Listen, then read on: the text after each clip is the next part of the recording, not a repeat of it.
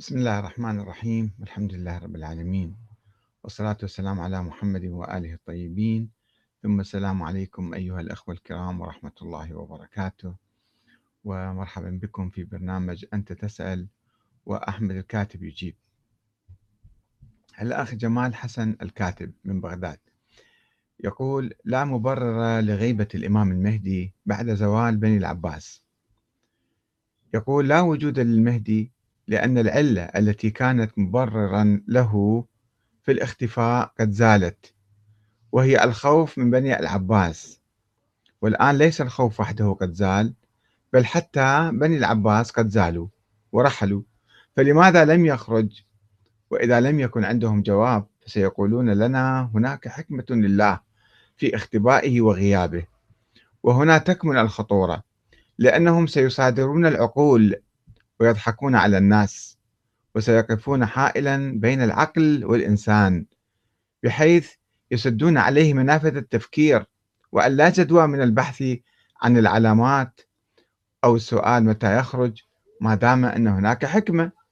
فهذا ما يريدونه بالضبط من الشيعي. طبعا هذه مسألة الخوف يعني أحد التبريرات التي جاءوا بها لعدم وجود ذلك الإنسان. أساسا هو كان آه، الاعتقاد بوجود ولد للإمام العسكري خلاف الإسلام وخلاف الشريعة الإسلامية وخلاف القانون. يقولون الإمامة تثبت بالنص وعندنا نص بعدم وجود ذلك الإنسان نص من الإمام العسكري متفق عليه من جميع الناس من جميع المسلمين من جميع الشيعة حتى الاثنى عشرية كل كل من كتب في هذا الموضوع. يقول صحيح الإمام العسكري قال أنا ما عندي أولاد. طيب كيف تؤمنون بوجود ولد إلى هو يقول ما عندي ولد؟ يقول ها تقية هذا. فالإمام دي يسوي تقية فهم هم دي يسوون دي ينسبون شيء خلاف الحقيقة تحت الستار التقية. ولا الإمام العسكري ما يسوي تقية ما يحتاج يسوي تقية. كل آباءه وأبناء عمه كلهم موجودين ومعروفين وماكو واحد ولد بالسر وخباه طيب بعد ما افترضوا وجود هذا الإنسان وقعوا أمام سؤال محير طيب أين هو هذا الشخص؟ ولماذا لا يظهر؟ قالوا ها هو يخاف من بني العباس والإمام العسكري هم كان يخاف عليه فخباه. طيب بني العباس راحوا كما يقول الأخ جمال. بني العباس انتهوا ورا مئات السنين ولم يخرج. وفي زمانهم بني العباس سيطر عليهم البويهيون الشيعة وسيطر عليهم السلاجقة والأتراك ما قبل ذلك وكانوا ضعاف ما كانوا يخوفون كثير. فإيش قد خايف هذا؟ والثورات الشيعية التي قامت كلها لم تخف من بين العباس. فلماذا هذا الشخص بالذات اللي هو ما موجود يخاف من هذا الإنسان؟ فطيب الآن بني العباس راحوا. وشنو بعد داعي يعني يبقى؟ أحد الأخوان يقول لا أمريكا الآن موجودة. أمريكا أقوى من بين العباس ويخاف من أمريكا. هالثورات وهالمقاومات وحركات التحرر اللي تقاوم أمريكا في لبنان وفلسطين وإيران والعراق وما خايفين من أمريكا بس الإمام مهدي يخاف من أمريكا. شلون كلام هذا؟ بأي منطق هذا؟ بس هو المنطق الأسطوري والمنطق الخرافي دائما يعني أسطورة تلد أخرى خرافة تلد أخرى. لابد أنه نقول فت كلام في البداية يقولون الأرض لا يمكن أن تخلو من إمام.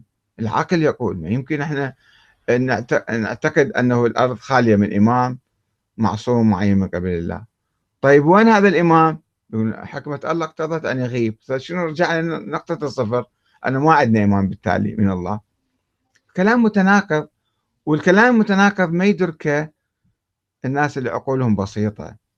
عقول أطفال. لا إنسان شوي لو نضج ويفكر هذا كلام مو معقول كلام متناقض. وبالتالي شلون أعتقد أعتقد بأن هذا عقيدة دينية. سأعتقد بأي خرافة تريد بس لا تسويها عقيدة دينية. لا تلزقها بأهل البيت لا تلزقها بالتشيع. خرافات دخيلة على التشيع ودخيلة على الإسلام. آه، طبعا هذا الحديث أثار نقاش آه، طويل وعريض. الأخ نير الدين غيلوفي من تونس أعتقد يقول المهدي كائن طبيعي أم ميتافيزيقي؟ إذا كان طبيعيا واقعيا هل تجري عليه قوانين الزمان والطبيعة؟ وأين يختفي؟ هل يستعمل الوسائط الحديثة؟ وما دام إنسانا فهل هو مدني؟ ألا يحتاج أن يتعامل مع آخرين يعني يتزوج يجيب أطفال مثلا؟ أليس من المحتمل أن تنتبه إليه بعض أجهزة المخابرات يوما؟ افرض أنهم قبضوا عليه كما قبض اليهود على المسيح من سيهب لنجدته؟ شلون نعرف هذا هو اللي كمشى أسئلة فعلا. آه الأخ كريم يجاوب كريم الشارع يقول وجه كلامك لرب العالمين وليس للشيعة وحتى الإمام عليه السلام غير معني بهذا الكلام وإن شاء الله سوف يأتيك الرد منه عاجلا أو آجلا وعندها سوف نفرح كثيرا. إذا, إذا, إذا الله تعالى خلق الإنسان وليس له القدرة على بلوغ درجة التكامل وتحقيق العدالة في الأرض وهو مقتضى نصب خليفة في الأرض وأرسل المئات من الأنبياء ولا زالوا الناس هم نفس الناس الكفر والفسوق وشتى ألوانه الذي عذب ومحى من أجله أمما من على الأرض ومع ذلك كل هذه الصور لا زالت موجودة. وأوقف وختم النبوة مع أن الناس لا زالوا على نفس الناس. إذا لا توجد عدالة في هذا الكون. لو كانت النظرية مثل ما تقولون أنتم ولكن حينما يكون هناك هنالك أمل في سير العالم لتكامله بيد أولياء صالحين فالعدالة والحكمة الإلهية موجودة ومتحققة. يعني بس خلي نؤمن إحنا في فراح تتحقق العدالة. وأنا على الأرض ما عندنا شيء. آه الأخ آه الكمال منتهى. يقول المشكلة الحقيقية هي التابوهات أمام العقل التي تقف حائلا بينه وبين نتائج عمله لأنه عندئذ يصنف إما كافر أو مخرف هذا اللي يفكر. سيدنا المهدي ليخرج كما وعد الرسول متى ما شاء أو يشاء أو يشاء له بدون الانشغال به أو تهيئة طقوس تعبدية باسمه مثل الاحتفاء بمولده أو تعديد العلامات بكل مناسبة. إنما يظل أملا جاء أو لم يأتي. هذا هو ظني بالأمر والله يعلم أني لا أحب معصيته. طبعا التداعيات أولها هو إذا أخذنا بهذا الرأي فإننا لا نقيم وزنا للعدد السحري 12 واحد. أما أن نؤمن بهم جميعا أو لا نخرب أو لا تخرب البيعة. الأخ محمد رشيد يقول هناك تحديات حضارية كبرى. تواجه الفكر الديني عامة والفكر الإسلامي على وجه الخصوص عدا التحديات الوجودية والعنصرية.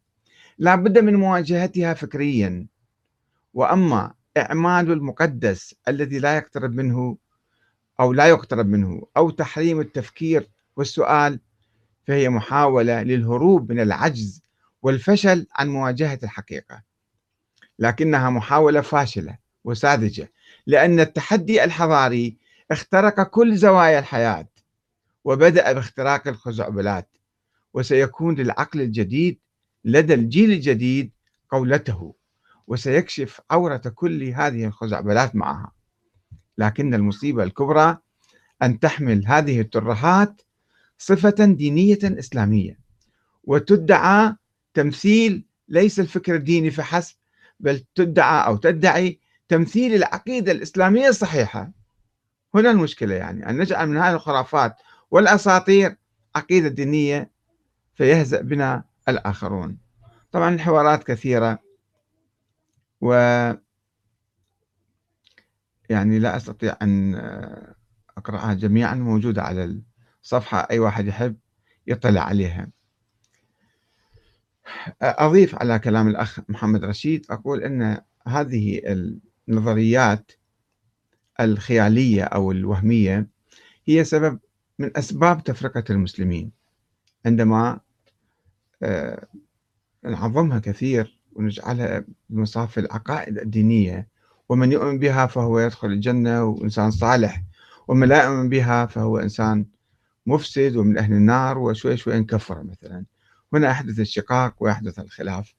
وعلى الحوزة العلمية على الطلبة الأذكياء في الحوزة أن يعيدوا دراسة هذا التراث ويخلصونا من هذه الأساطير.